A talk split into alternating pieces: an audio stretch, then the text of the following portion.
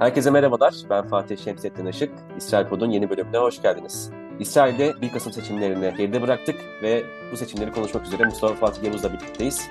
Abi hoş geldin. Nasılsın ve de hayırlı olsun. Hoş bulduk Fatih. Çok teşekkür ederim. E, Mustafa Fatih Yavuz'un bir kızı oldu. Evet. E, Fatih, İsmi de kez. Sare Meyra olarak sanırım. e, Sare Meyra oldu.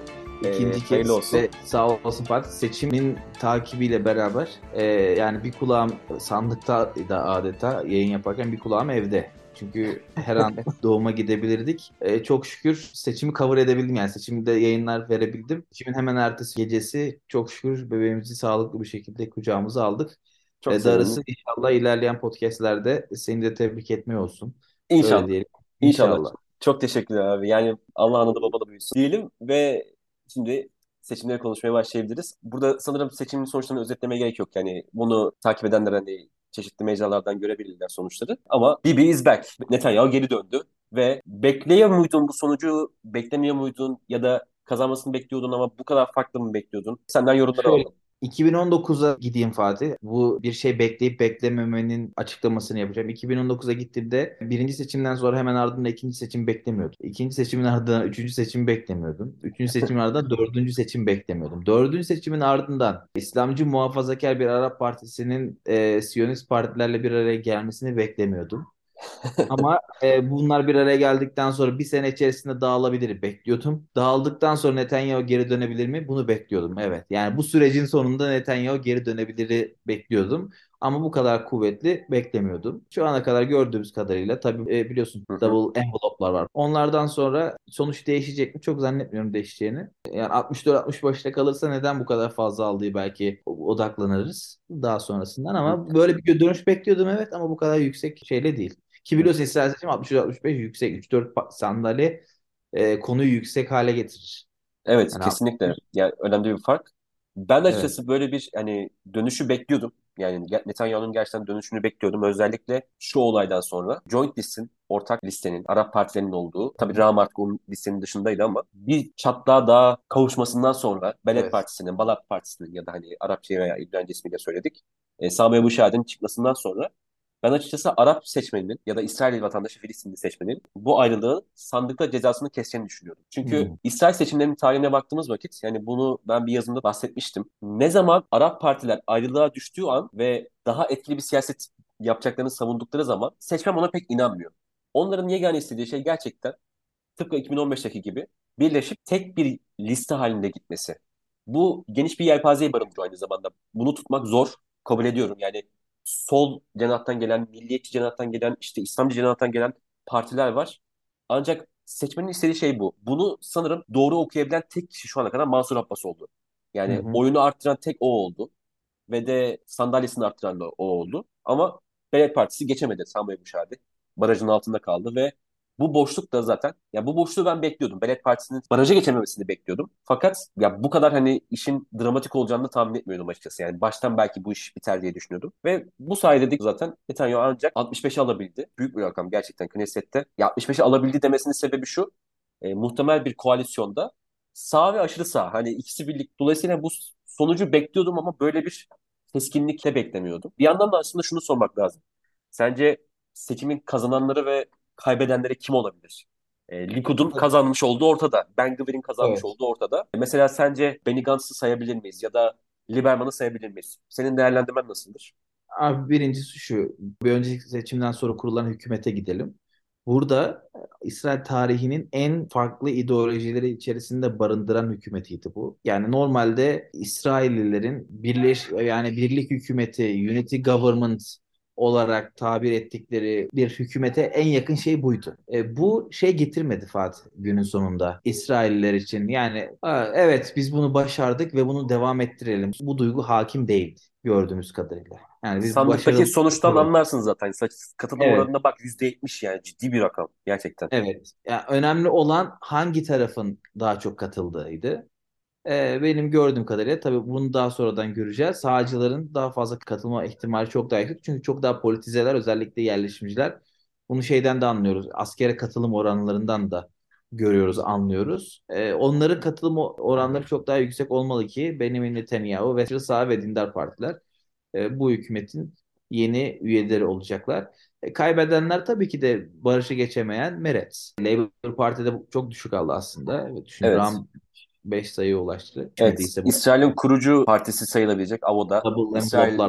İşçi Partisi artık 4 sandalyeden ibaret Knesset'te. Yani belki başka bir kaybeden olarak tabii ki Arapları saymak lazım. İsrail vatandaşı isimlerin partilerini saymak lazım. Sence yeni bir değişimin habercisi mi bu? Yani Eyman Avde mesela 2015'teki liderliği çok fark ettirmişti. Artık yeni bir lider arayışında mı sence İsrail vatandaşı Filistinliler? Ee, bence yok. Bence kötü bir darbe yediler. Bunu aynı isimlerle yapabilmek kolay olur mu bilmiyorum. Bu partiler, dört parti bir araya gelerek tarihi bir rekor sayıda sandalyeye ulaştılar. Üçüncü büyük parti oldular. Bugün bu resim üçüncü parti olarak bize aşırı sağcı partileri getiriyor. E tabii ki de yani onlar için çok büyük bir kayıp, büyük bir darbe. E, yerini alan parti aşırı sağcı parti. Bunu aynı isimlerle bence yapabilmek kolay kolay değil yani. Bu artık orada da bir Arapların arasında bir değişim olacaktır illaki. Tabii ki değişim isterlerse. Hı E, önemli olan seçmenin motivasyonu neydi burada? Ben bir tahminde bulundum açıkçası. Yani çok aslında ilk akla gelen şeyi söyledim kendimce. Bu da coherence, insicam. Bu önemli. Diğer partilerle beraber. E, Önemli olan da birlik. E, Arapları bu bence biraz daha çekiyor ve şey oy vermeye itiyordu. Birlik çünkü kazanabilirlerdi. Burada kazanma şanslarının az olduğunu görüyorlar ve Araplar arasında e, oy verilse de verilmese de bir şey değişeceği e, düşünülmüyor benim gördüğüm kadarıyla. Ram'ın tabii ki çok daha farklı bir politik çerçevesi var. Yani onlar farklı bir gelenekten geliyor. Senle de daha evvelden konuşmuştuk Hı senin ifaden. Aynı zamanda şu da var. Yani bu adamlar pragmatizmi denediler. Pragmatizme verdikleri cevap şey oldu. Çok da olumsuz olmadı kendisi seçme açısından. Bu Ram'ı şunu etebilir. Tekrardan pragmatik olabilirler. Bir defa denediler. Tekrardan meclisteler. Bunu devam ettirebilirler. Böyle de bir sonuç çıkmış olur Ram için. Ben de şunu merak ediyorum açıkçası. Bir yandan kaybedenlerden bahsettik. Bir de şimdi kazanandan bahsetmek lazım. Yani dindar Siyonizmi zaten bir kere başa yazmak lazım. Likud'dan bile daha büyük bir zafer bana kalırsa. Ama şimdi ilerleyen dönemlerde Ben Gvir'in açıklamalarına bakıyorsunuz. Smotrich'in açıklamalarına bakıyorsunuz. Yani birisi Savunma Bakanlığı'nı istiyor. Biri işte Dahili Güvenlik Bakanlığı'nı istiyor. Dolayısıyla bu sandalye kavgası belki de o insicam halinde görünen aşırı sağ ve sağın kavgasına sebebiyet verebilir bence.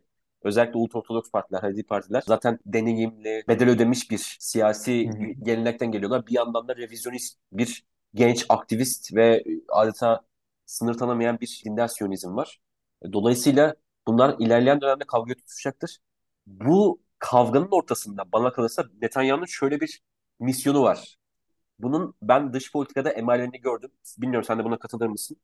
Hem Washington'dan hem Abu Dhabi'den böyle bir sinyal geldi. Eğer Ben Gvir bir hükümette yer alırsa protesto edeceklerini, İsrail ile çalışma konusunda ciddi sıkıntı yaşayacaklarını iki başkentte söyledi. Axios'ta hatta bir haber vardı yani Jack. Sullivan'ın bunu Herzog'a ilettiği söylendi. Sence Netanyahu'nun burada artık dış politikada misyonu değişir mi? Hani kendisini çok şahin gösteren bir imajdan yavaştan böyle dengeleyici, aşırı sağın o taleplerine karşı daha mutedil bir figür olarak kendisini satma gibi bir hamle olur mu siyasi hayatında? Abi Ne bu dersin? ben sana burada yine dış politikadan kaynaklı bir örnek vereyim. O, o dış politika şeyini konuşmuş olalım biraz. Hı hı. Ee, mesela nükleer silaha kavuştuktan sonra nükleer silaha sahip olan ülkelerin davranışlarında şöyle bir değişiklik oluyor. E, bunu seninle de daha evvelden konuşmuştuk. Acaba Amerika'nın tavrı nedir doğrudan İran'a dair vesaire. Nükleer silaha kavuşan ülkelerin tavrı genellikle şu daha mutedir oluyorlar. Bence Ben-Gvir ve Smotrich'in e, hükümete girdikten sonra muhtemelen ki bakanlık alacaklar. Bir süre daha mutedir olacaklarını düşünüyorum. Yani bir süre bunlar kendi iddialarını törpüleyecekler. Bu tehlikeli bir beklenti yani bunu söyleyerek bir risk alıyorum. Ee, yanılma olasılığım çok yüksek çünkü bunlar aktivist tipli e, milletvekilleriydi zaten muhalefetteyken. Bu tabii muhalefetin getirdiği bir şey de olabilir. Ama tabii ki bu hükümetteyken yani gücü elinde tutarken değişecektir. Netanyahu bunları dengelemek zorunda. Yoksa hükümetini tutamaz. İmkansız. Evet. E, başka türlü sürdürmesi artık çok zor çünkü destek alabileceği başka bir mesela seküler sağ da yok. Yani seküler sağ kim vardı? Liberman vardı. Liberman artık tamamen bu kapıyı kapatmış durumda. Benny Gantz'ı bile bir nebze sayabilirdim. Hani sağ yani daha milliyetçi kökenli olması itibariyle. Ama Benny da böyle bir zaten talebi yok. Dolayısıyla hani hem dengeleyici olmak zorunda aynı zamanda onların da taleplerine karşılık vermek zorunda. Öbür türlü kendisine değil de bir önceki seçimden hatırlayalım. E, Yamine'ye oy veren seçmene bu sefer tekrardan ihanet etmek durumunda kalır diye düşünüyorum. Ki Yamine de burada ayrı bir kaybeden olarak zaten ön plana çıkıyor. Aile Çeked'in liderliği belli ki seküler bir kadının e, dindar bir aşırı sağ partiye liderlik etmesi yerleşimlerdeki seçmenler nezdinde bir itibar göstermediği çok belli. E, kendisinin Netanyahu'ya karşı ben hani seni tamamlayacağım gibi bir propagandası da işe yaramadı. Kazanan dindar siyonizm oldu. E, Yamina da böylelikle barajın altında kaldı. Eklemek istediğin başka bir nokta var mı abi? Aile Şaket'in meclise girip girmeyeceği zaten büyük bir problemdi. Giremeyeceği bekleniyordu. Zaten giremedi. Hı hı. E tabii burada kaybedenlerden biri o. Tabii sağ kazandı ama birilerine eritmesi gerekiyordu. Üçüncü parti olabilmesi için aşırı sağın. Hı hı. Kimileri biraz daha ortaya çıktı. Muhtemelen bir iki sandalye Netanyahu'dan aldılar. Aile Şaket'ten tabii ki de oylar gitti. E, muhtemelen dindarlardan da yani Haredi partilerden de gittiler. Çünkü Haredi partilerin e, bildiğim kadarıyla Smotrich ve Ben-Gvir'in onlardan oy çalmasını engellemeye çalıştığını e, okumuştum, öğrenmiştim. E, muhtemelen onlardan da gittiler ve sonucunda üçüncü parti olarak e, karşımıza çıkıyorlar. Bundan sonra yani aşırı sağın kaderi ne olur? Bu oyları tutabilecekler mi, tutamayacaklar mı? Şimdi ben kendi önce söylediğim iddiama bir karşı iddiada bulunuyor. Bunlar da muhtemelen kendi pozisyonlarını korumak için yapmak istedikleri şeyleri yapar gözükecekler. Yani o aktivist ruhlarını e, hükümetteyken de devam ettirmelerine sebep olabilir. Bunların hepsi ihtimal dahilinde göreceğiz. Bunları da düşünmek lazım. Haklısın bence. Diyelim ve nokta koyalım. Çok teşekkür ederim abi. Hızlı bir e, kayıt yaptık. Ee, inşallah daha da uzun şekilde değerlendirmemiz olur diyelim. Bizi dinlediğiniz için teşekkür ederiz. Haftaya görüşmek üzere. Hoşçakalın.